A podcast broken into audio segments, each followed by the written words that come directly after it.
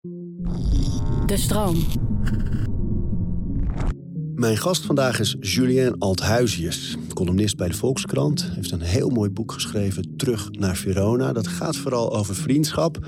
En dat is ook waar we het vandaag over gaan hebben. Vooral, natuurlijk ook allerlei andere rituelen, maar vooral ook de routines van ja, vriendschappen. Hoe onderhoud je ze? Hoe maak je nieuwe vriendschappen? Ik heb me heel erg verzet in eerste instantie tegen dat ik dacht van nee, jij bent mijn beste vriend. Dus beste vrienden moeten elkaar zo en zo vaak zien. En die moeten dit en dit met elkaar bespreken. Maar op een gegeven moment ben ik dat idee gaan loslaten en gewoon gekeken van ja, hoe functioneren wij het beste? Wat is een mens zonder houvast in zijn manier van leven? En ieder heeft een handvat en eigen rituelen. Orde in je hoofd zodat alles te overzien is. We praten over routines. Maar ik vond het wel interessant om te kijken inderdaad waar ligt de grens tussen goede kennis en vriend. En, en voor mij is een vriendschap pas echt een vriendschap als die gelijkwaardig is.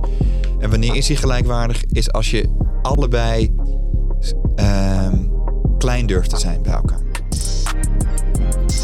We praten over routines. Als ik gast heb met kinderen en ik vraag hoe laat begon je dag, dan is het bijna altijd bepaald door de kinderen. Is dat bij jou ook zo?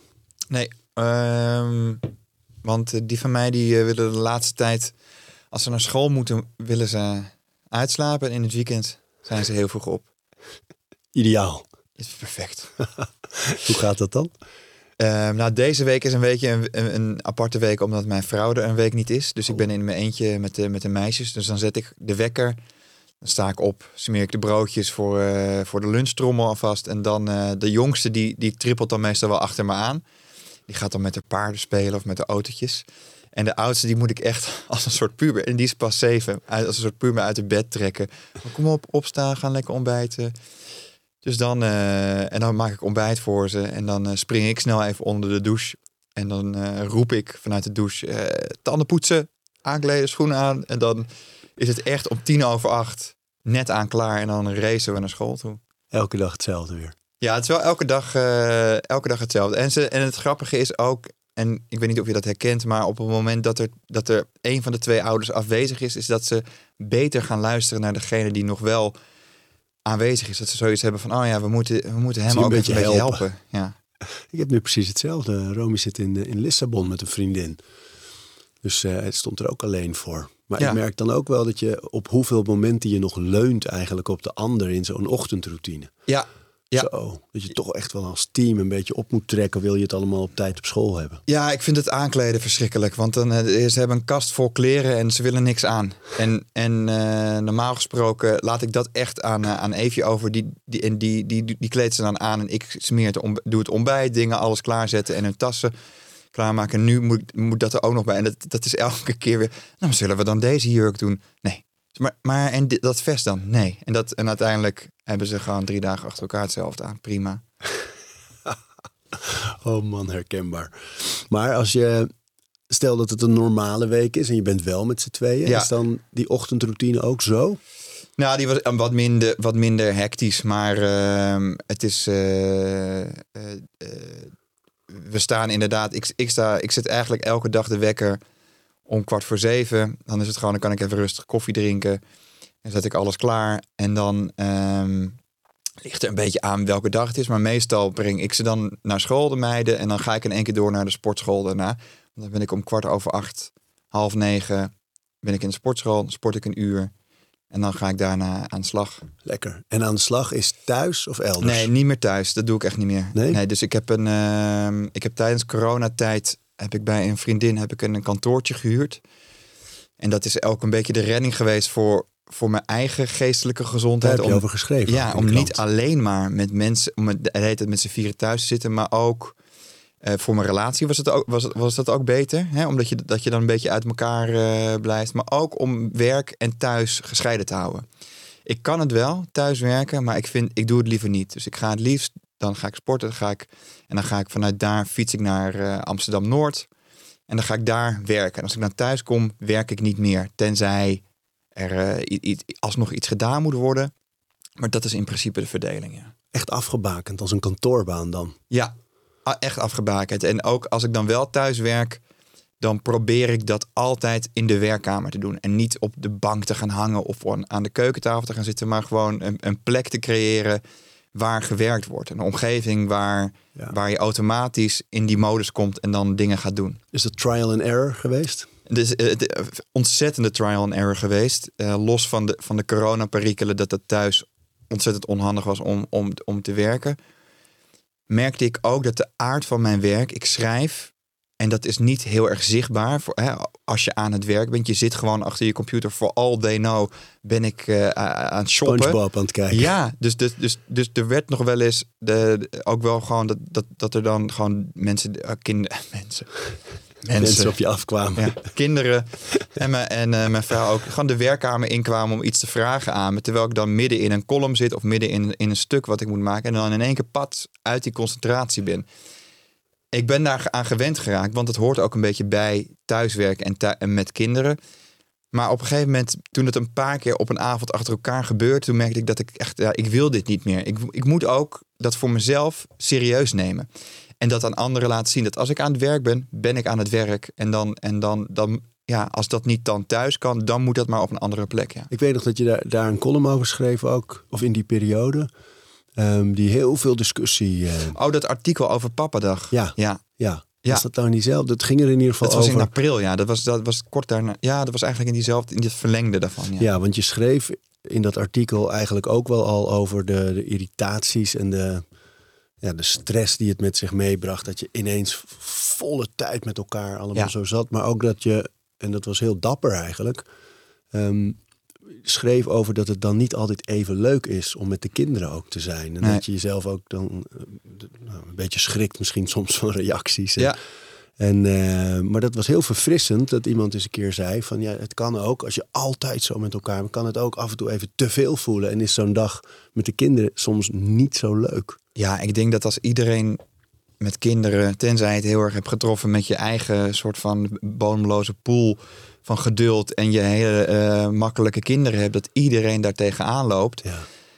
Alleen dat het, eh, ja, dat het toch niet even makkelijk is om daarover over te praten. Sommige mensen vinden juist dat er, dat, dat wordt te vaak gezegd. Het wordt te vaak gezegd dat het te moeilijk is met kinderen. Ik denk dat het feit dat het, zo, dat het zoveel discussie opleverde, blijkbaar nog een teken is dat er nog heel veel over te praten valt. En, en, en waar ik tegenaan liep, was dan ook een combinatie van die unieke crisis van, van corona. Ik had, die, die meisjes waren toen, even denken, vijf en twee. Dus dat was ook echt een pittige leeftijd qua eh, hoe, krijg, hoe krijg je ze soort van in het gareel niet. Ehm, eh, p- en ook het aard van het beestje. Ik, ik ben niet iemand die eh, fulltime eh, met mensen om zich heen moet zitten. ehm, en echt afgebakende periodes van alleen zijn nodig heb. Snel overprikkeld raken of zo. Dat, dat, sommige mensen zeggen, ja, dan ben je hoogsensitief. Nou ja, ik weet niet. Ik moet gewoon niet de hele tijd met mensen om me heen zitten.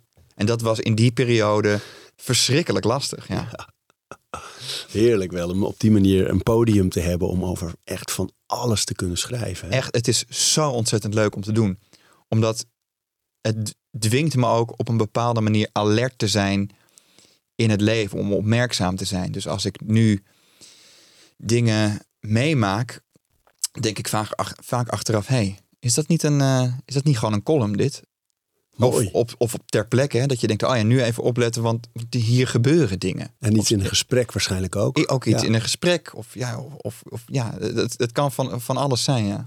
Ja, ik weet nog dat Paul de Leeuw, toen hij, toen hij min of meer stopte met die, eh, die wekelijkse programma's, dat, dat hem gevraagd werd van eh, mis je het niet? En dat hij zei, ja, ik mis het heel erg. Ik mis vooral dat ik niet een wekelijks podium heb waar ik alles wat er in die week gebeurt Ja. meteen in kan laden. Dat ik Ja. meteen een, een, een vorm kan vinden om mijn mening te uiten, om er een grap over te maken of om in ieder geval het te behandelen wat speelt. Dus ook een manier van zelf eigenlijk leren omgaan met eh, en, en plaatsen wat er allemaal gebeurt. Het is coping. Eh, eh, Zo'n column is een copingmechanisme in, in, in zekere zin. Ik kan me voorstellen als mensen zitten te luisteren en zeggen: Ja, maar jij, dat is je werk. Ja, maar dit is, de- ik, ben, ik, ben niet, ja, ik ben niet van de krant. Dus ik ben nog steeds zelfstandig schrijver. Eh, nou, om even, op je, om even een stapje terug te nemen. Nog voordat ik deze plek had.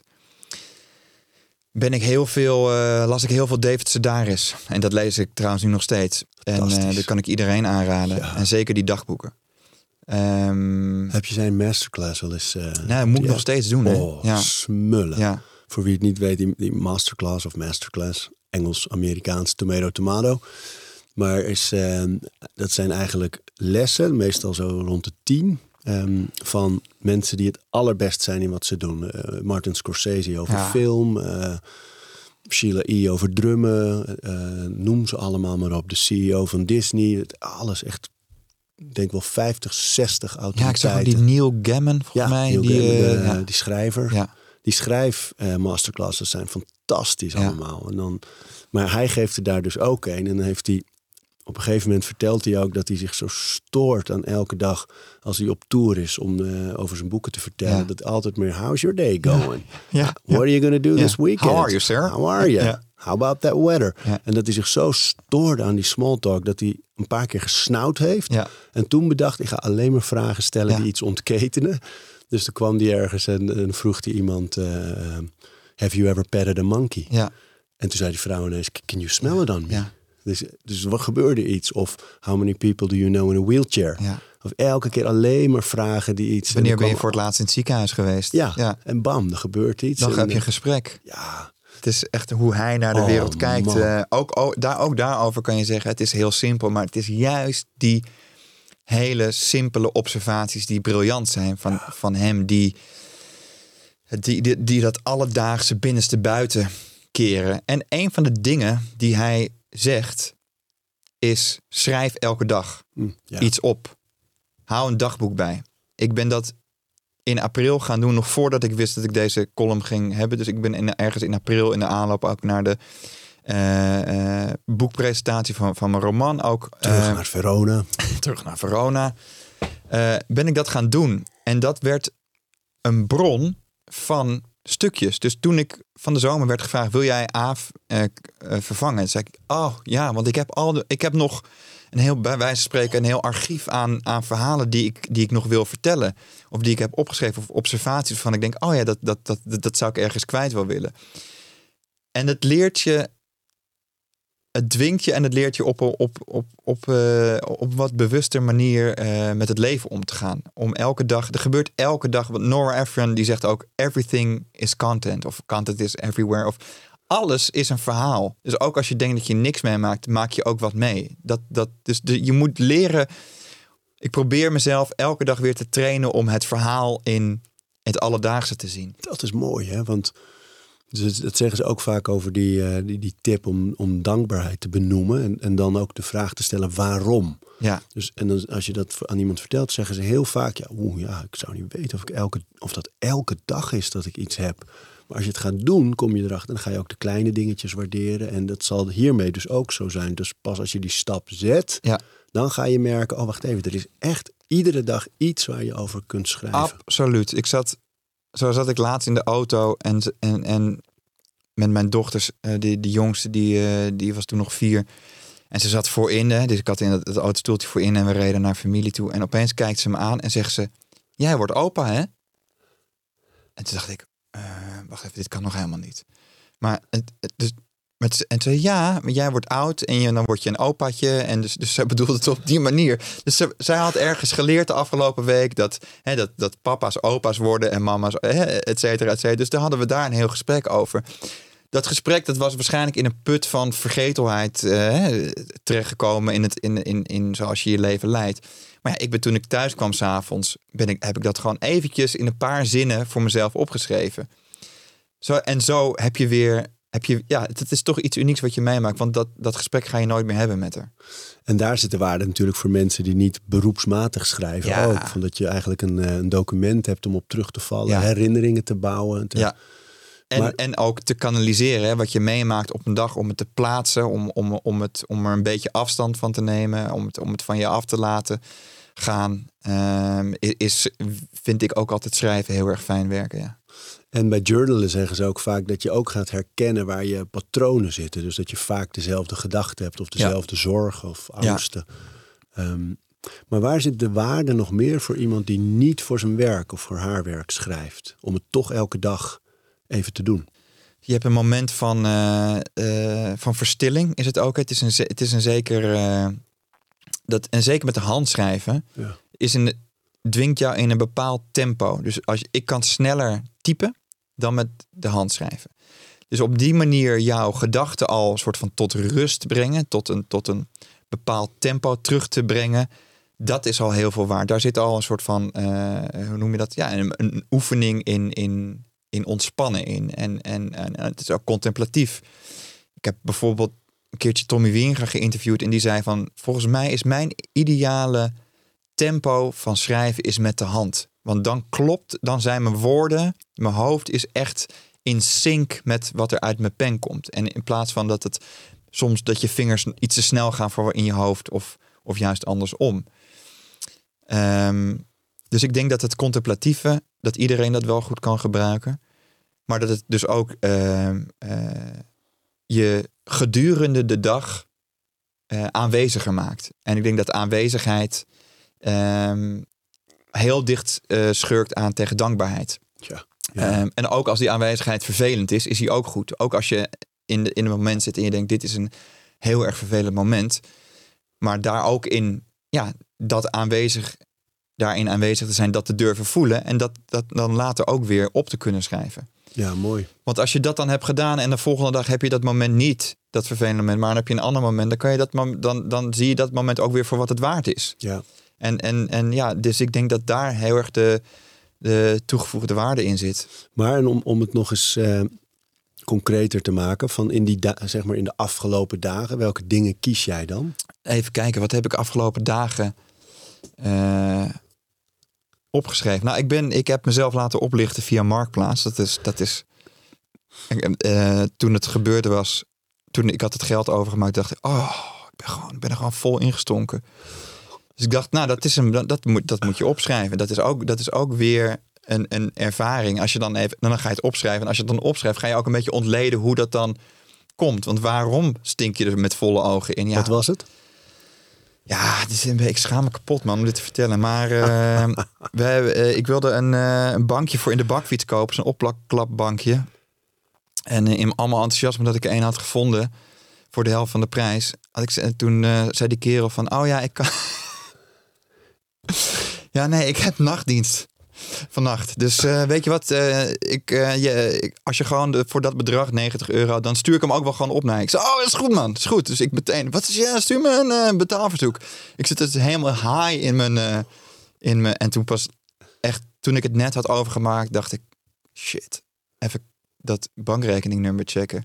Toen bleek het zo'n zo'n zo'n IBAN-nummer te zijn, wat onwijs vaak bij oplichting, Oh man. dat is vervelend dat er zoiets gebeurt, maar het is ook heel erg grappig. Maar relativeert het op die manier Ja. ook, het schrijven? Dat je Ja. iets toch vervelends meemaakt. Ja. Maar omdat het ook een verhaal is, dan, ja, dan Nou, betaal je eh, 90 euro voor een leuk verhaal.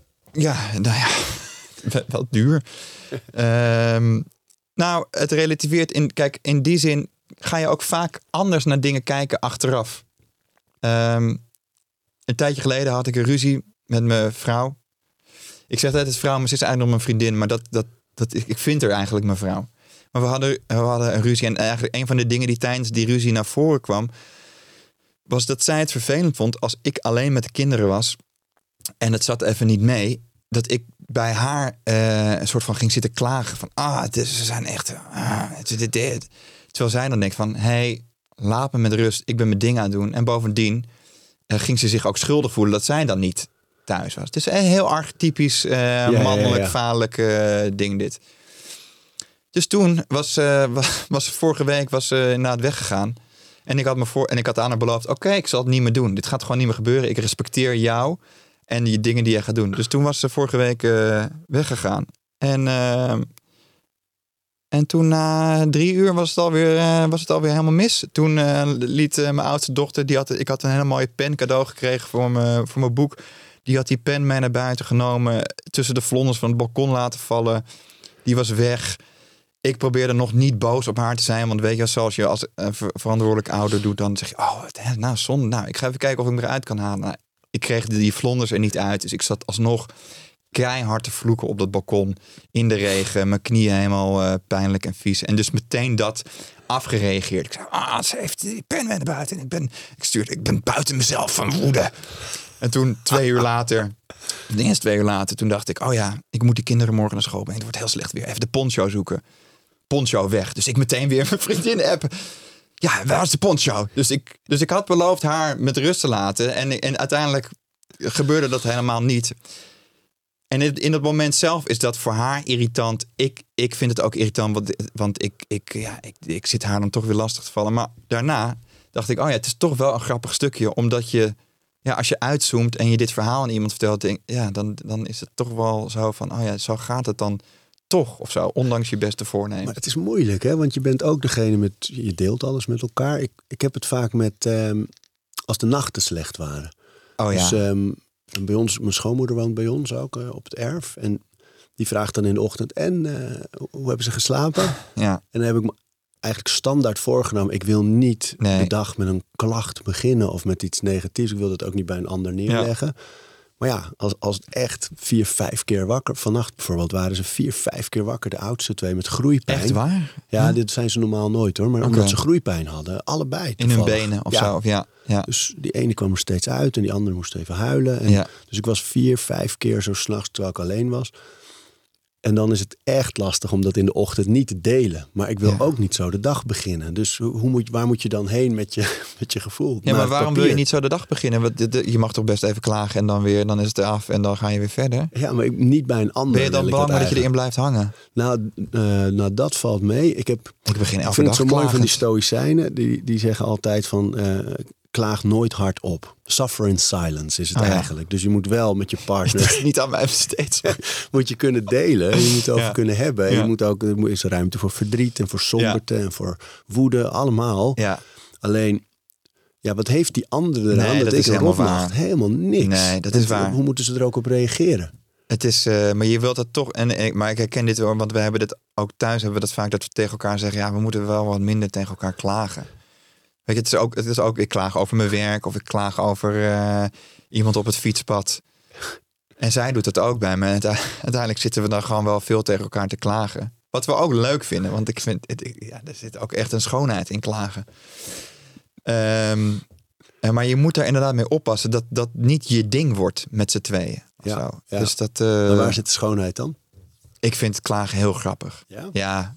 En als me- mensen goed kunnen klagen, dan, dan, eh, ja, dan kan ik, ja, dan, dan, dan kan ik daar echt huilen van. van ik vind Marcel van Roosmalen bijvoorbeeld, die kan echt heel erg goed klagen. Ja. Je hebt eh, die columnist van de Telegraaf, Kitty Herwij, die kan ook heel goed klagen.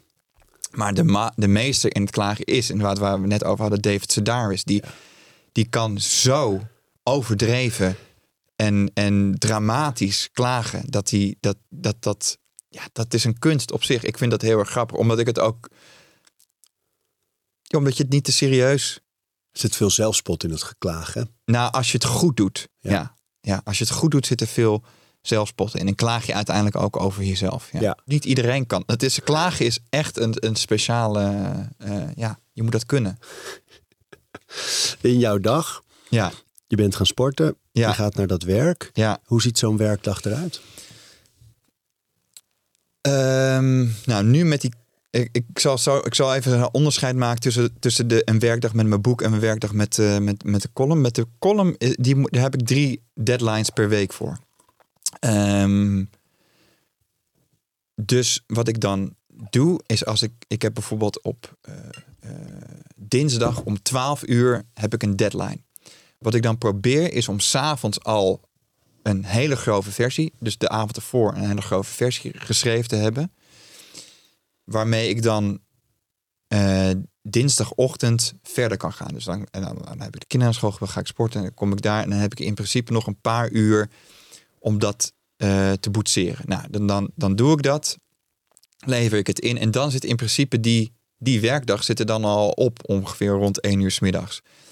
Maar ja, je, je, als schrijver sta je in zekere zin altijd aan. Dus dan ga ik eh, eh, aantekeningen maken voor, voor andere stukjes. Of, eh, of ik ga gewoon helemaal niks doen. Of ik ga eh, weer, eh, weer naar huis toe. Maar het zijn die, die, die ochtenden, zijn het eigenlijk altijd hele korte, effectieve sprints. Ehm, met mijn boek was dat heel anders. En ik zou dat met mijn boek heb ik blokte ik hele dagen, zei ik, of de hele weken. Dan zei ik van oké, ik ga deze hele week ga ik schrijven.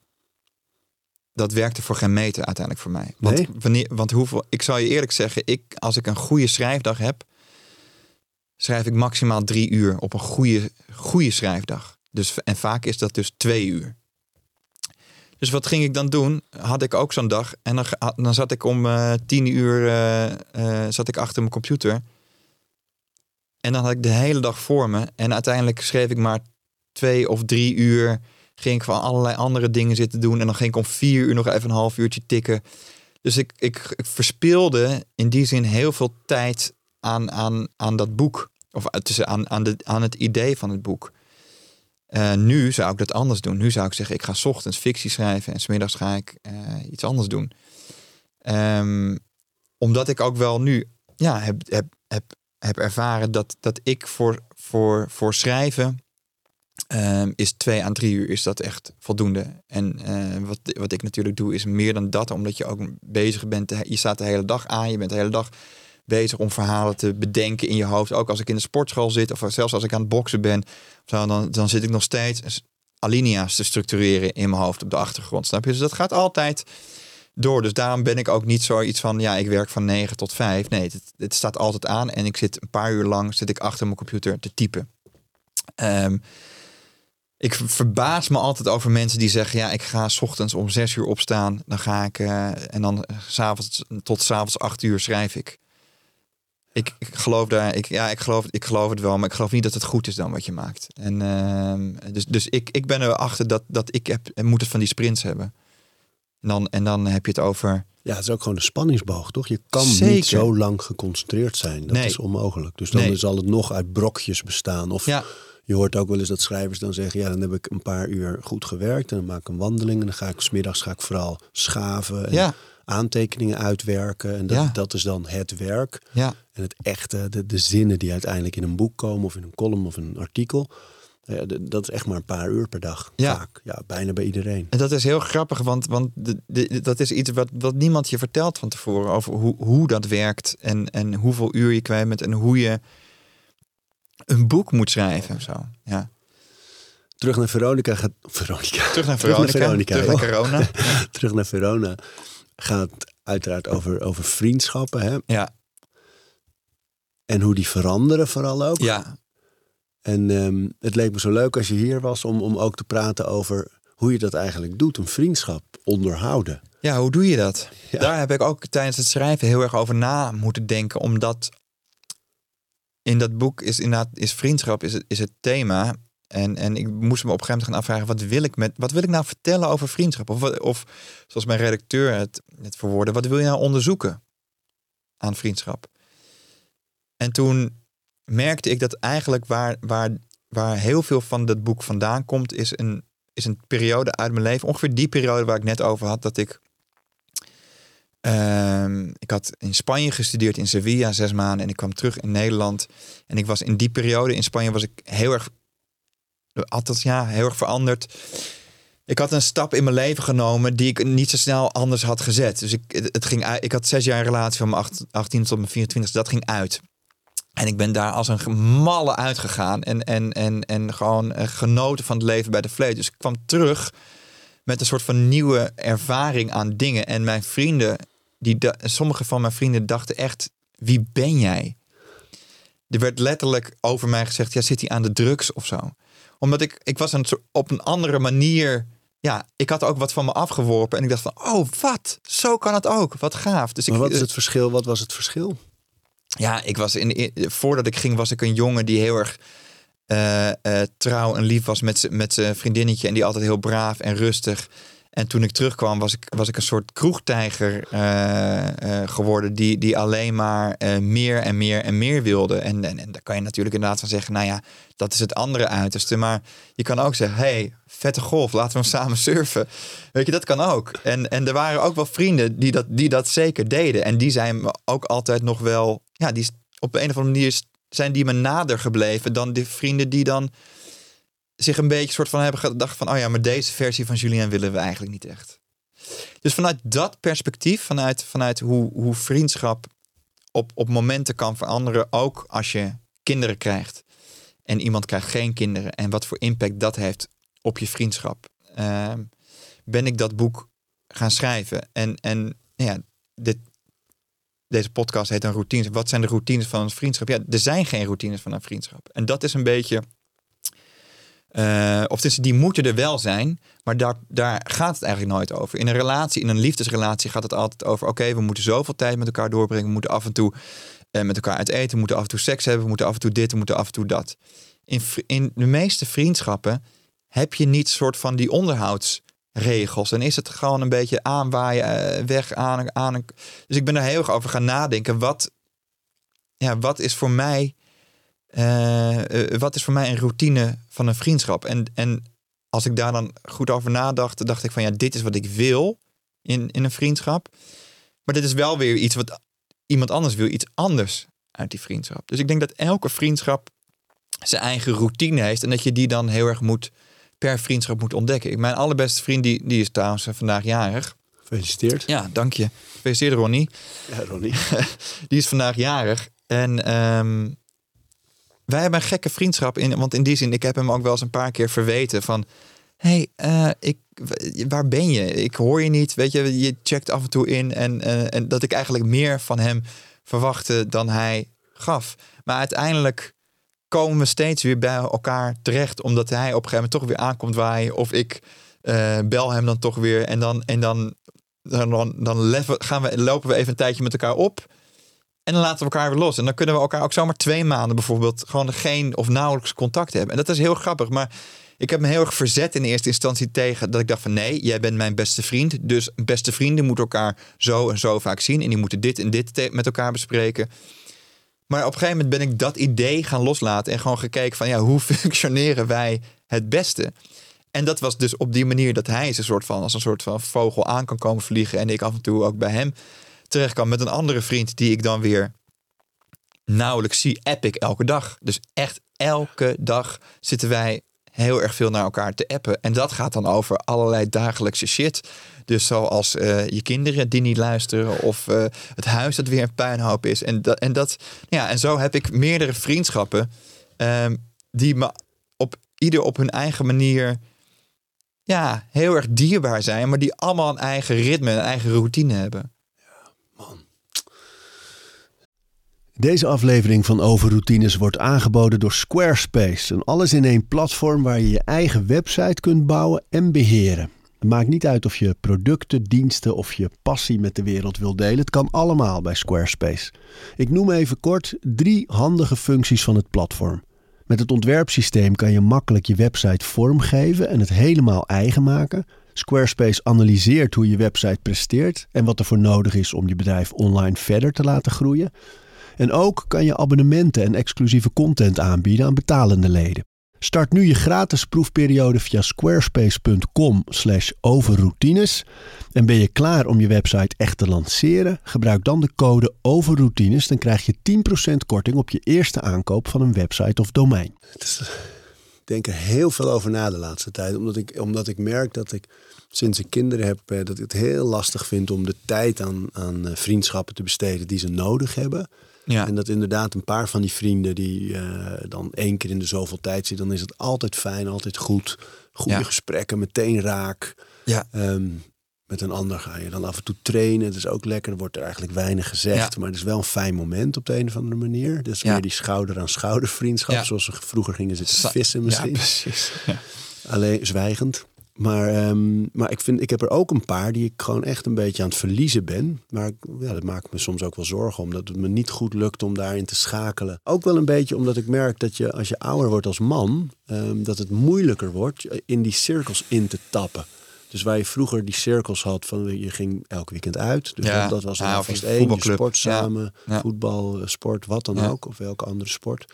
Er waren heel veel cirkels die elkaar automatisch raakten. School, studie. Uh, ja. Al die dingen. En, en, en, als die weg zijn eigenlijk, als je vader bent geworden en, met zo'n gezin bezig bent, dat heel veel tijd vraagt, ja. dan wordt het heel lastig om in die cirkels nog te tappen op een logische manier. Je moet er echt moeite voor doen. Ja, dat, maar dat is het grootste wat er verandert. Die moeite doen. Ja. Want vroeger ging het vanzelf. Vroeger hadden we, hadden we inderdaad een voetbalclub. En dan gingen we, zagen we elkaar sowieso twee keer in de week. En als Ajax speelde, dan drie keer in de week. Snap je? Want dan gingen we ook nog samen voetbal kijken. Dus dat was er altijd. En dan hoef je niks meer te doen. En eh, dan gingen we daarna uit. En nu is dat anders. Ik heb één hele goede vriend die... Ja, die zou ik gewoon echt veel vaker willen zien. En, en, en dat gebeurt gewoon niet, omdat hij ook heel slecht kan plannen. En, ehm, en omdat we inderdaad allebei, om, omdat onze levens, dus inderdaad die cirkels, die komen niet meer bij elkaar in de buurt. Maar dat, dat weten we allebei van elkaar. Dus daarom is daar ook wel een soort vrede en een soort rust in. Dus als we elkaar wel zien, is het gewoon, is het gewoon hartstikke goed. Hoeven we niet allemaal hobbels over, over, over, over dingen te bespreken of door hoepels heen, maar dan is het gewoon goed. Maar het, is, het, is, eh, het is heel lastig. Ook omdat ik vroeger heel veel vrienden had en, op, en, en dat ook allemaal wel kon onderhouden. En naarmate ja, je ouder wordt, kinderen krijgt, dat je dan merkt van, oh ja, er, er vallen er gewoon een paar weg. En Ja. ik, voor, voor mij was vriendschap altijd. Ik weet dat ik tijdens de eerste date met, eh, met, eh, met mijn vrouw dat had gezegd. Dat, dat volgens mij dat, ik een soort van schijf van vijf of zo. Waarvan ik zei: ja, dit, dit zijn de fundamenten van mijn leven. En één daarvan was vriendschap, zei ik. Dat, dat ik dat heel erg belangrijk vond. Maar ik ben wel de afgelopen jaren wel wat afgestapt van hoe erg belangrijk vriendschap voor mij eh, is. Om te, om in, ja, in mijn leven. Dat, dat is nog steeds wel belangrijk, maar het neemt echt een hele andere plaats in dan het tien jaar geleden eh, innam. Bijzonder, hè? Ja, ook wel een beetje triest. Ook af en toe denk ik van, oh ja, want het brengt zoveel lol en, en, en plezier. En op een andere manier liefde in je leven. Ik denk ook dat het, dat het heel goed is. eh, en dat is natuurlijk weer een heel ander onderwerp. Maar voor, eh, voor mannen om met elkaar te zijn en, en, en daar en, en elkaar weet je, een beetje te vinden en een beetje kwetsbaar en te zijn en, en, en eh, ook elkaar een beetje te helpen. Ehm, maar ja, het, het, het is niet anders, want, het, want dit is nou eenmaal hoe het gaat. Weet je, ik, ja, ik heb keuzes gemaakt, ik heb een gezin, ik heb kinderen, ik heb werk. En, en ja, dit, dan, Er is maar zoveel tijd. ja, dat Ja, is vervelend. Maar waarom? Want, want wat is dan, want jij hebt daar en heel mooi over geschreven, maar ook veel eh, onderzoek naar gedaan. Ja. Van de- kijk, voor mij is bijvoorbeeld ook, speelt ook wel mee dat, dat je dan hoort dat die vriendschappen en dat type relatie, dat dat ook gewoon heel erg belangrijk is als je in die hele blue zone theorie, theorie kijkt, bijvoorbeeld over eh, gelukkig leven, langer Mhm. leven, langer goed leven vooral. Ja. Dat het daar ook een heel belangrijk element Ja. is. Dus in die optimalisatiehoek zit het ook nog eens Ja. van zorg dat je die banden goed houdt. Want mannen, Ja. mannen meer nog dan vrouwen verliezen op een gegeven moment die, die, die banden. En, dat- en dat is toch belangrijk om goed ouder te worden ook. ja. En ik merk dat ik daardoor ook wel wat vriendschap heb waar ik al heel lang denk van nou dat komt wel weer. ja. Ehm, En? Nou, nog niet dus. En Nee. dat is toch al, hebben we toch wel over vier, vijf jaar van, in, van een paar jongens waar ik echt, die ik echt als goede vriend zie, die ik Ja. al heel lang niet, bijna niet zie in een jaar. En dat we allebei denken van nou, maar er komt een fase in het leven weer dat het weer wat meer op Ja. elkaar aansluit. En dat spreken we vaak ook uit. Dan, Ja. Als we elkaar een keer zien of teksten. Eh, dat komt wel weer is, maar dat, dat is niet makkelijk. Maar heeft dat ook te maken met, hebben zij andere levens? Hebben zij kinderen of juist geen kinderen? Of, eh, Beide is dat het geval. Ja. Ja. Eentje met kinderen ehm, wel, maar eh, die woont in een stad en die niet. En die heeft heel ander werk. ehm, traint niet. Dat, dat is voor Ja. mij toch ook wel een verbindende factor vaak. Dat ik dan kan zeggen, laten we even gaan trainen en eten. Dan heb je al een blok van drie kwartier en een blok van een half uur. Bam. Ja. En, en daar, zit, daar zit veel. Ja, ja het, het, is. eh, ja, het, want het is ook belangrijk. En het, het, het, het Maar waarom? Wat, wat, waar, waar, als, je, als je eens gaat kijken, waarom vriendschap belangrijk is? eigenlijk echt. Ja, omdat het, omdat het mij iets brengt. En dat zeg ik dat is- voor mezelf. Wat, wat liefde me niet brengt. En wat kinderen me ook niet brengen. En wat sporten me ook niet brengt. En wat, en wat schrijven me ook niet brengt. Het, het, eh, als ik een goede avond met, met vrienden heb gehad. Dan ben ik opgeladen. Ehm, en dat, dus zo voel ik me de volgende dag ook. Ook als ik een hele zware kater heb. Dan denk ik de volgende dag. Yo, dit had ik even nodig dit is wat ik nodig had. En, en dat net zoals dat je inderdaad eh, eh, lekker moet kunnen sporten en goed, goed, weet je, je moet goed eh, gezond leven, maar je moet ook af en toe dat hebben. En, en ik denk dat ik dat uit niks anders haal. Uit, het is een soort. Maar is dat gekend worden of gezien? Nou, het is, nee, dat, is- het is meer dan dat. Want, want wat, wat eh, mijn eh, vriendschappen vooral kenmerkt, is ehm, plezier. Dus er wordt vooral heel erg veel gelachen. En er, wordt ook wel, er worden ook wel serieuze dingen besproken. Maar er wordt gewoon heel erg veel gelachen. En wanneer lach je nou op een dag, op een moment heel erg veel? Ja, in de sportschool, sorry Arie, maar dan lach, zit, zal je mij niet betrappen op, eh, op een schaterlach. Nee, en met, en met mijn vriendin, met een vrouw van wie ik echt enorm veel hou. En we, en we hebben ook wel echt dezelfde soort van humor. Maar dat is ook weer anders. Dus ik heb dan, moet met die vrienden zijn. eh, eh, dan gaat er een kant open waarin ik dus gewoon de hele tijd he- heel erg aan het lachen ben. Ehm, ja, en, dan, en, dat, en dat, dat, dat voelt revi- revitaliserend. Eh, dus dus het, is, het is dat, maar het is ook de. Ja, toch eh, dat je weet dat je een band met andere mannen hebt. eh, die er gewoon is. En, en dat, dat als een soort bed waar je altijd op kan terugvallen. Ik heb, ik heb wel re- relaties gehad die dan kapot gingen. eh 10, 12 jaar geleden. En dat ik, dat ik bij een vriend gewoon in, in zijn bed ging slapen bij, te- tegen hem aan, zeg maar. Dus dat, dat is ook vriendschap. Dat, dat, Ja, dat, mooi. dat het er altijd is. En dat, eh, dat, eh, eh, dat, het, on, dat het is heel erg veranderlijk. Maar ook in, in zekere zin hoeft dat niet zo te zijn. Dus je kan er, het is een soort een, een vangnet. En ja, zelf merk ik, kijk, ik woon in een, ik heb twee dochters, ik heb een vrouw. Ik heb een behoorlijk feminien ingesteld leven. Dus ik vind het ook heel fijn om af en toe lekker eh, met, de, met de mannen. Weet je, zo, nou ja, dat, Ja. daar kan je heel erg een soort van, de, de, laat Dunk het over doen. Maar het is ook wel is lekker mooi. om Nee, die energie goed, ja. af en toe, eh, eh, af en toe op te zoeken. Ja, En, nee, snap ik heel goed. En wa- want je zegt hè, van dat er dat je zo dan ja, bij iemand gaat slapen tegen elkaar aan, die, die emotie en dat, dat ontroerende bijna, dat vind ik ook wel mooi aan juist ook die vriendschappen die wat lijken te verwateren. Dat die jongen waar ik het net over had, zijn Ja. vader stierf twee jaar geleden en toen stonden we allemaal op die begrafenis, Mhm. weet je wel, in coronatijd, dus eh, gekke.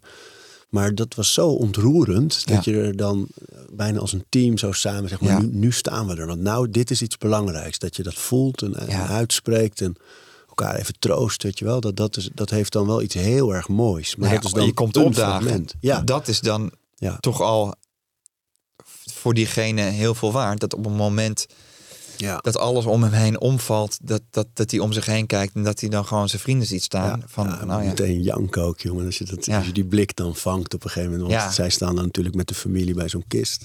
En sta je daar zo met, met, met elkaar, weg nog net niet in een uniform voor je Ja. gevoel. Nee, maar dat ben je wel. Je bent wel Ja. een uniform, je bent team. Ja, en dan die blik vangen van iemand en dan die waardering zien. Wat fijn dat jullie er zijn. Dat is, daar gaat het misschien wel om. ja. Janken. Ja, Ja. prachtig.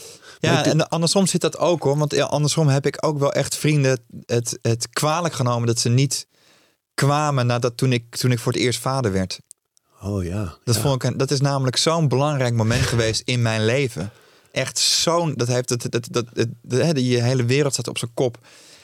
En als er dan mensen zijn die dan, ja, weet je, ze hoeven het niet te begrijpen, maar gewoon opkomen dagen. Gewoon even, gewoon even komen checken bij je. Van, hoe is hij, eh ouwe? Want, eh, en dat dat niet gebeurd is, dat, ja, dat, dat, dat, Heb ik me ook wel schuldig aan gemaakt hoor. Af en toe. Oh, ik ook. Ja, later, wel later. Ik dacht van, fuck ja, nu kom ik ook niet meer bij jouw kind. Ja, nee toch. Oh man, ik had mijn beste vriend waarmee ik gestudeerd heb in Amerika. En, en later in Nederland ook gewoon altijd blijven zien.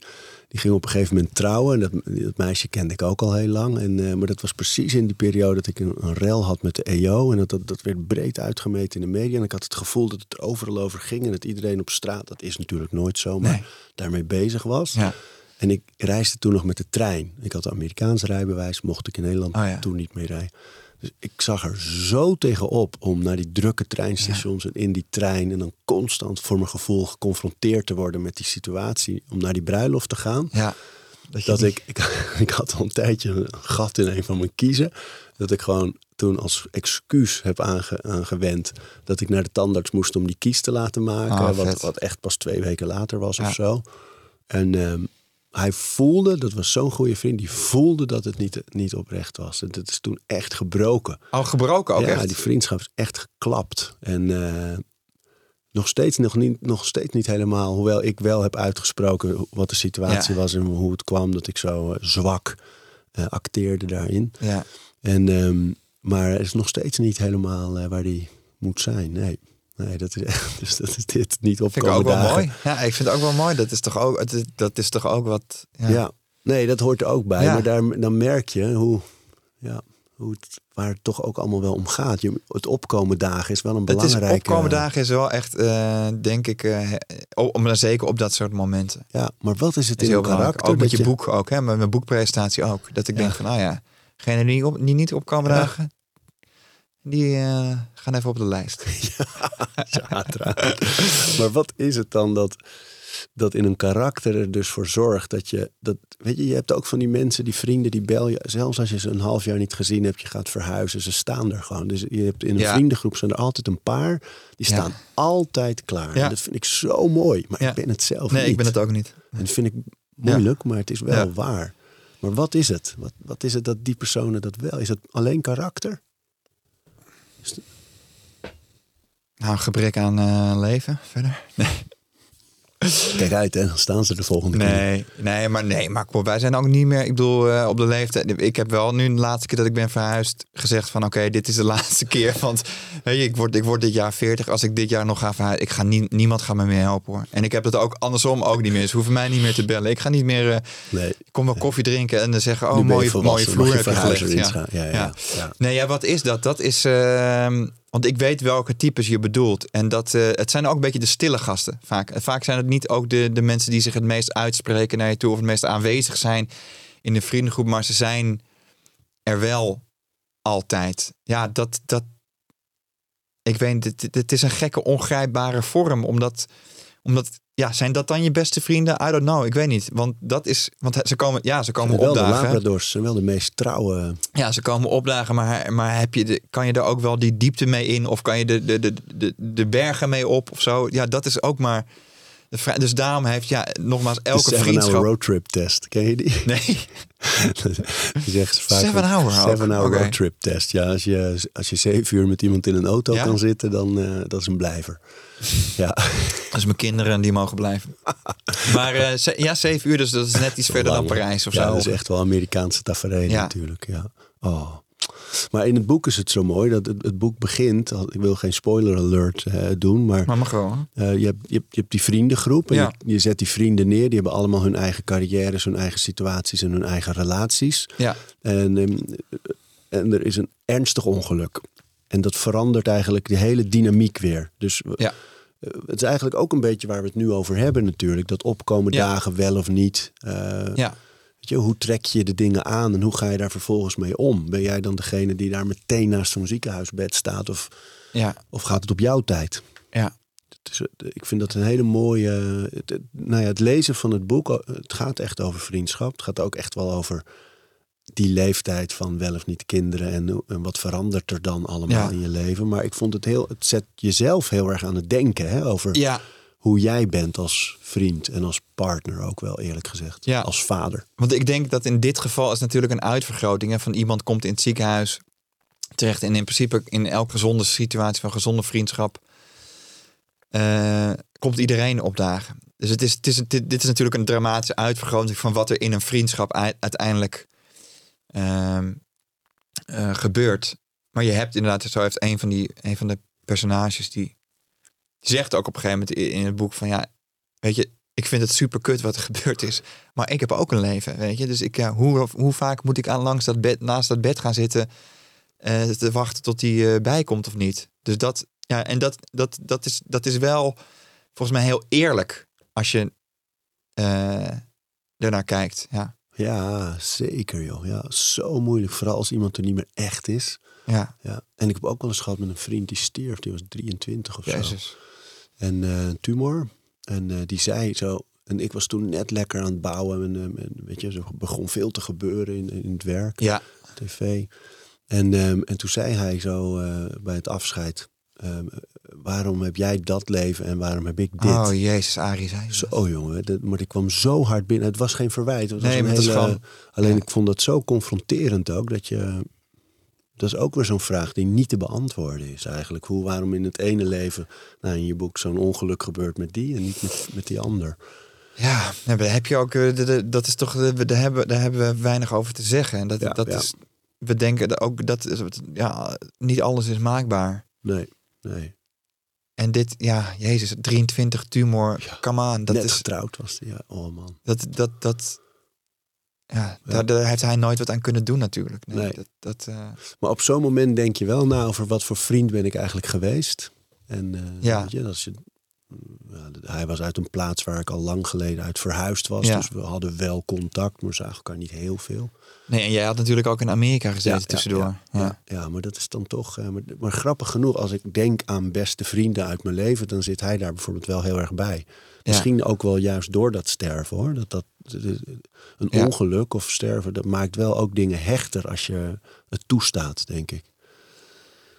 Eh, ja, als je het overleeft scheelt ook wel. Ja, ja nee, sowieso. Nee, maar ik bedoel, als iemand sterft, eh, dan, Ja, dat is een reden om er vaker bij stil te staan wat je samen had, denk ik. Ik denk, die vrienden Ja. die je gewoon verliest, ja, die verlies je soms gewoon. Nee, tuurlijk. Maar dat is ook een drama. Kijk, vrienden die, vrienden die je verliest, dat, dat zeurt uit. Dat, dat, dat, dat, dat is een kaarsje wat uitbrandt. Ja, en, ja. en iemand die sterft, dat is natuurlijk onver, dat zijn twee onvergelijkbare eh, grootheden. Ehm, maar, je, maar je zegt net van ja, als je kijkt naar je beste vrienden, jij kijkt dan vooral naar, eigenlijk naar wat oudere vrienden. Maar met, eh, heb je dan niet nieuwe, ja, maak je ook nieuwe vriendschappen? Nou, dat, dat wilde Ah. ik heel graag met je bespreken ook. Van, ik heb bijvoorbeeld vriendschappelijke banden met veel van de mensen waar ik mee werk. ja, En ehm, af en toe kom ik mensen tegen in de, ja, die hebben min of meer eh, gelijke cirkels weer. Hè, die Ja. hebben gelijkgestemde. En dan heb je een vriendschappelijke band eh, daarmee. Maar ik, vind, ik, ik weet niet waar je nu. Ja, hoe doe je dat? Hoe maak je nou nu nieuwe vrienden op deze leeftijd? Dat, dat is bijna altijd. Weet je, ik denk bijvoorbeeld op een schoolplein. Hè, dan sta je met dezelfde ouders Ja. op zo'n schoolplein. ja, En dan met sommigen heb je een klik en anderen niet. ja, En doordat die kinderen met elkaar spelen, ehm, zie je elkaar misschien vaker. En daar Ja. ontstaat soms iets van, nou, met, de, met dat ouderstel of met die vader of die moeder heb je een leukere band. ja. En die zie je dan ook eens een keer eh, op, een, op een zondagmiddag bij een restaurant voor een lange maaltijd. Of, Ja. Dat worden dan een soort vrienden. ja. Maar het zijn niet de mensen die je gaat bellen als je, als je er even doorheen zit. Nee, want is, dat is, vind jij dat dat vriendschap definieert? Deels. Ik, ik, eh, de mensen die ik echt vrienden noem, dat is een handjevol. Ja, Ehm, je hebt het snel over een vriend. Ja. Als ik bijvoorbeeld over jou zelf, of over Daan, Ja. Heerma van Vos, dat, je- Ja. dat, eh, dat vind ik wel. Ik noem je wel dan een vriend. Ja. Het is een vriend van me, Ja. zeg je dan. Alleen hoe vaak zie je elkaar, spreek je elkaar? ja, je hebt gewoon in een stadion heb je meerdere ringen. Ja. Ja. Ja, precies. En is ik- kleine ja, kring, ja. zo'n handvol mensen die echt vrienden zijn, Ja. dat zijn wel mensen waarbij ik aan zou kloppen. Ook als ik, als ik verdrietig ben of als ik ergens echt mee zit. Of als ik behoefte heb, gewoon dan even Ja, met iemand zijn. Een schouder. en Dat, ja die, die, die kring is heel klein bij mij. Ja. Dat zijn er twee, denk ik. Ja, ja dat denk ik. Ja, twee, drie misschien. Ja. Ja. Maar die grotere kring, eh, ja, dat, ik, ik weet niet of daar of dat dan de definitie is. Of wat, ja, wanneer noem je iemand een vriend? Ja, ik, dat, vind ik, dat vind ik ook lastig. Want ik... ik wie was? Eh, God, een schrijfster. Volgens mij was het Maya Angelou. Zeg ik dat goed? Maya, Angelou. Ja, Die zei dat er een verschil is tussen eh, vrienden en goede kennis zijn. En, dat, en, en zij, volgens mij was het verschil is dat je eh, voor, voor een goede vriend, voor een vriend ga je door het vuur of die. eh, eh, in ieder geval, het was, het was, ik vond het een vrij zware definitie, maar ik vond het wel interessant om te kijken inderdaad waar ligt de grens tussen goede kennis en vriend. En, en voor mij is een vriendschap pas echt een vriendschap als die gelijkwaardig is. En wanneer is die gelijkwaardig? Is als je allebei ehm, klein durft te zijn bij elkaar. Dus als, als zoals die vriend waarmee ik dan vooral app bijvoorbeeld. Ja, ik ben echt de meest kleinzerige lul die ik kan zijn tegenover hem. Want ik weet dat ik bij hem kan ik dat zijn.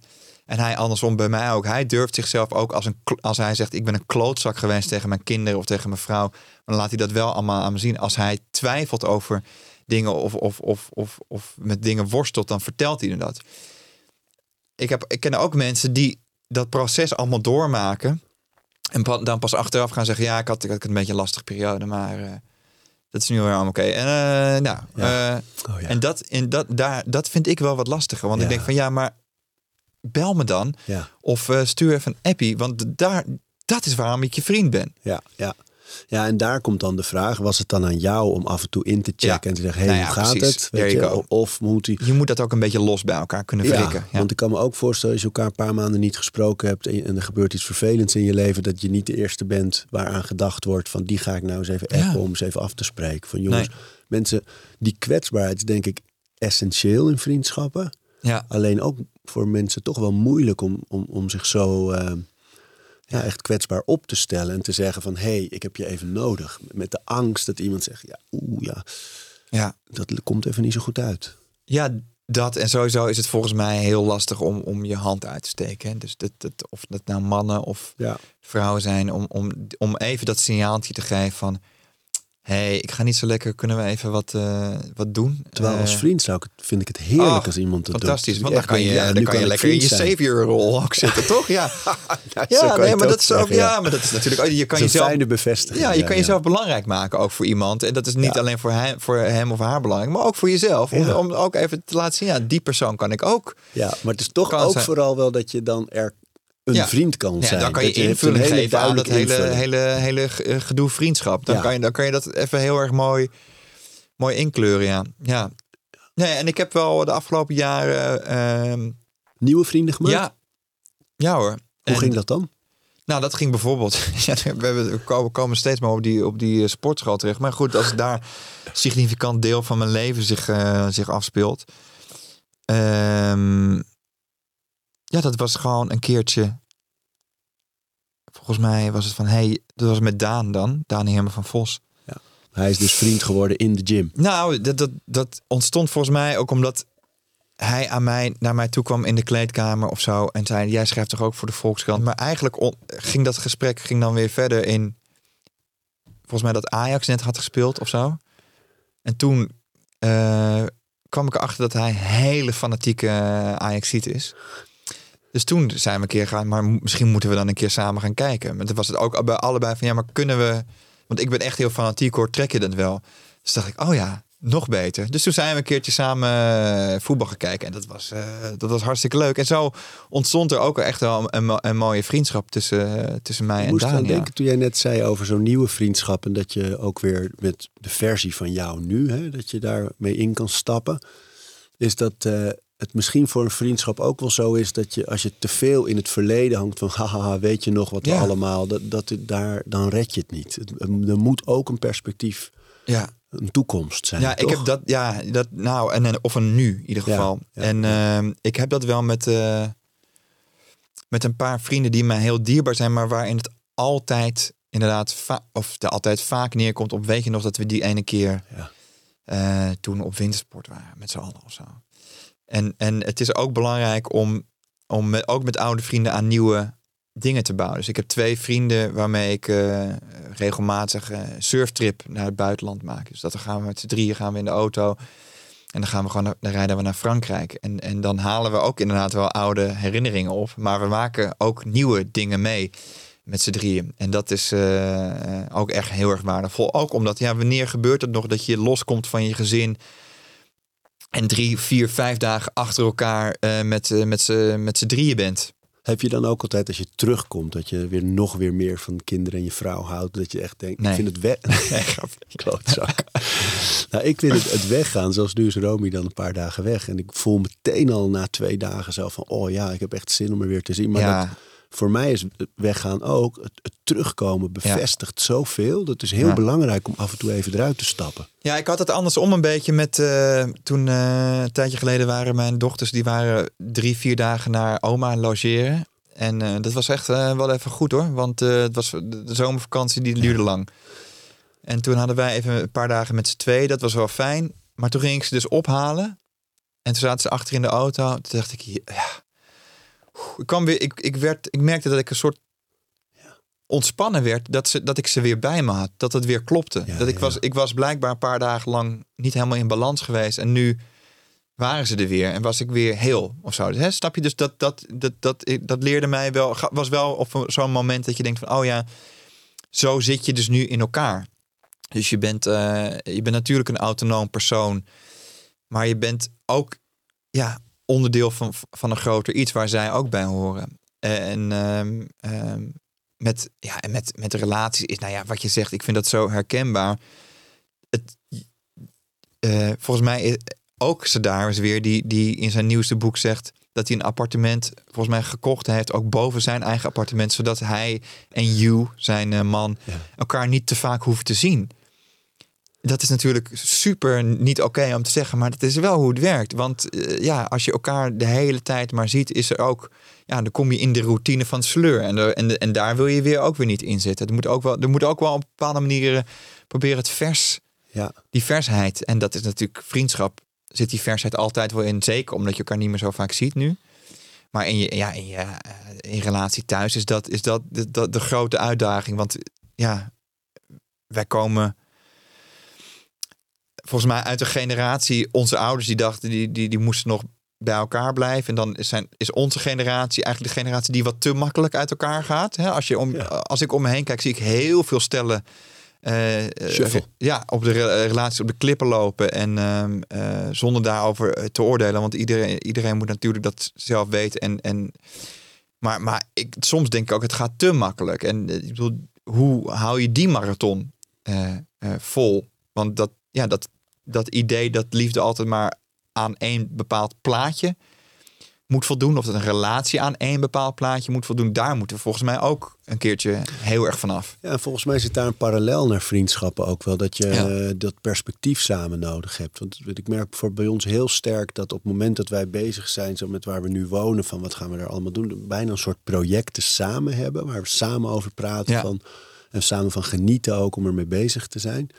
Dat dat heel erg eh, zorgt voor het hechten. Dat daardoor ook niet alles alleen maar via de kinderen gaat. Dat je, je leeft, als je kinderen krijgt, ook heel snel die levens van die kinderen heel erg. En dan ben je samen sta je min of meer in dienst van die levens. Ja, dat is waar. eh, dat is echt verschrikkelijk. Maar als je samen nog perspectieven kunt creëren van oké, daar gaan we naartoe en wat Ja. gaan we daarmee doen. En, en dat is voor ons wel echt een. een Maar dan heb je projecten of zo, inderdaad. Waar je, Ja, maar het kan zijn bijvoorbeeld van, nou nu zijn we met, een, met de tuin bezig. Ja. Weet je, dat is iets heel concreets. Of in het huis ook wel met bepaald. Nu zijn we met mijn werkkamer en, en Romy heeft dan een atelier. Dan zijn we daarmee bezig. Dat, Ja. dat zijn hele praktische projecten. Maar ik merk wel dat, dat, ja, dat zorgt ervoor dat we s'avonds samen aan tafel zitten. Zonder telefoon of scherm. Gewoon te praten over die dingen. En, Oh ja. en daaruit voortkomt altijd wel weer een ander gesprek. En Ja. natuurlijk gaat het dan ook over de kinderen en over elkaar. Maar ja, dat perspectief samen, die, eh, die, eh, die- samen naar zo'n horizon kijken ook. Dat, dat is toch wel heel belangrijk. Voor ons in ieder geval. Ja, nou, ik denk dat, dat zeker. Maar ik denk dat het ook een luxe is dat je dat, dat, je dat hebt. Ja. Dat, je dat, dat je dat kan eh, hebben. Want, ehm, want ik, ik, dat, ik weet niet of dat voor veel relaties ook is, is weggelegd. Als ik voor, voor, voor, onze, voor mijn eigen relatie, die, die gaat. Wij, wij zijn allebei nu net de afgelopen jaren bezig met ons heel erg te profileren, allebei in ons eigen eh, werkgebied. En ik merk hoe lastig het eigenlijk is om een, een goed lopende relatie te hebben in een gezin waarin twee mensen allebei heel erg ambitieus zijn. Ja. Want je gaat al heel erg snel ehm, je geliefde voor een concurrent van jouw tijd aanzien. Vind je, nee, mijn tijd is belangrijker. Nee, mijn werk is Oh, belangrijker. Ja. En dat is dat. Ik vind dat een enorme uitdaging eh, eh, voor ons om daar. eh, we zijn ook ons allebei bewust ervan. Dus dat scheelt al. Dus dat je al weet van wanneer je in, wanneer je in dat in dat moddergevecht terechtkomt van nee, nu ben ik echt aan de beurt hoor. En je, ja, je moet het wel een plek proberen te geven. Want het is, het is ook, nogmaals, ook dit is allemaal niet voor ons uitgevonden. Hoe, Nee. hoe je hiermee om moet gaan. Nee, en dat is echt de. Als wij ruzie hebben, dan gaat, is eigenlijk dat al, is altijd de enige aanleiding. Ja, Ehm, het gaat altijd over tijd en verdeling en wie doet wat. En jij zou toch, of ja, maar nu, oh, maar nu heb je dat gepland terwijl ik. ja. Ja, dus we hebben nu een, eh, een, een kalender eh, echt eh, opgesteld waar je op kan schrijven. Die hangt aan de muur en daar staan, hebben we allemaal, allemaal onze eigen kleurstift. En dus mijn schoonmoeder, de kinderen, eh Romy en ik. En we hebben allemaal een eigen kleur. En daar staat alles, alle afspraken. Dus Oh, ja. We hebben wel vaste blokken in de week. Dus ik heb vooral de ochtenden voor Ja, werk. precies. Ja. En Romy vooral de middagen. Ehm, maar is er iets in het weekend, schrijven we het erop. Eh, ben ik een keer later of eh, kan ik vroeger thuis zijn, staat dat erop. Dus zo begint het steeds Ja. meer als een bedrijfje. En dat klinkt heel niet romantisch. Alleen het helpt wel heel erg met die tijd en die verdelingen. We hebben eigenlijk daardoor vallen die, eh, die, die oneenigheden Ja, als die discussies weg. daardoor niet, Ja. als je die daardoor niet hebt, dan scheelt Ja. dat heel, heel erg. Ja, en, ja, en niet romantisch, ja, Jezus. Hoe Eh, cares? ja, romantiek. Die zit er nog wel Ja, maar dat, dat, dat, zit toch niet in, ja, dat zit toch niet in die dingen, nee. Nee, nee, maar daar heerst natuurlijk altijd iets van eh, als je te veel rituelen of als je te veel plant, dat is allemaal niet impulsief en niet. Nou, ik heb, eh, ik heb serieus, eh, ik, vind- ik vind, so- je hebt sommige mensen die zeggen, wij hebben gewoon elke donderdagavond eh, hebben we seks met elkaar. Ja, Daar heb ik altijd van gedacht van, nou ja, dat is toch idioot, het gaat toch niet gebeuren. Maar nu denk ik van, nou ja, why not? Weet Ja. je, wat is de... kan je echt op verheugen overdag. Nou ja, precies. En dan heb je nog iets, weet je, nou, je hebt je soort ook, nou ja, je hebt het over je horizon. Nou, daar heb je, heb Ja. je, heb je ook iets op de horizon op donderdagavond, bij van spreken. Plus, het is ook echt zo dat eh, als je iets plant, eh, hoe vaker je seks hebt, hoe vaker je er weer zin in hebt Ja. ook. Dus zo werkt het ook Ja. gewoon. Dus ik denk dat het een hele gezonde, ja, een gezonde exercitie is eigenlijk om dat te plannen. Ja, En, en dat, en dat, nou ja, kijk, en dat, nou ja, als je dat, als je het over vriendschappen wil, of, eh, wil hebben, want dat zijn natuurlijk ook eh, relaties. Is het ook helemaal geen gek idee om één keer in de zo seks te hebben met je. Nee, om, eh, om één keer in de zoveel tijd gewoon te zeggen van. we- of inderdaad zeggen, we doen minstens één keer in de maand. Doen we, doen we, doen we iets. Zetten we gewoon. Ook Ja, al hebben we er geen vast. zin in. Ja. We gaan gewoon. Ja. we, gaan, we gaan het gewoon doen. Ja, dat helpt mij ook heel erg. Vaste momenten. Ja. Ja, en dan weet ik gewoon ook altijd als er een, iemand zegt van... hé, hey, kunnen we? Ja, daar. Ja. Oké, deze woensdag niet, maar over twee weken wel. Ja. Dat is zo lekker. En Ja. dan heb je dat, dat ankerpuntje al vast. Ja, want je bent een beetje bang dat de spontaniteit uitgaat, maar de spontaniteit gebeurt in een moment natuurlijk. Ja, ja. En dat is echt Ja. zo. Dat, dat ritme creëert heel veel ruimte eigenlijk. Ja. En eh, die structuur. Ja, dat is echt fijn. Ga je naar de verjaardag van Ronnie zo? ja, Dacht ik al. ja. Dank dat je er was. ja. Ik vond het heel leuk om te doen. We praten over routines. Dankjewel voor het luisteren. En voordat je weer doorgaat naar andere dingen, wil ik je nog even wijzen op Over Inspiratie. Dat is het mailtje dat ik elke donderdag rondstuur met drie tips. Dingen waar ik zelf veel aan gehad heb. Kunnen producten zijn, artikelen die ik gevonden heb online, onderzoeken, eh, Instagram-accounts, podcasts, boeken, van alles eigenlijk. En ik denk dat je daar zelf ook veel aan kunt hebben. Dus vind je het leuk om dat mailtje elke week te ontvangen? Dan kun je je opgeven op ariboomsma.nl onderaan de pagina. Dan krijg je voortaan elke donderdag in je mailbox over inspiratie.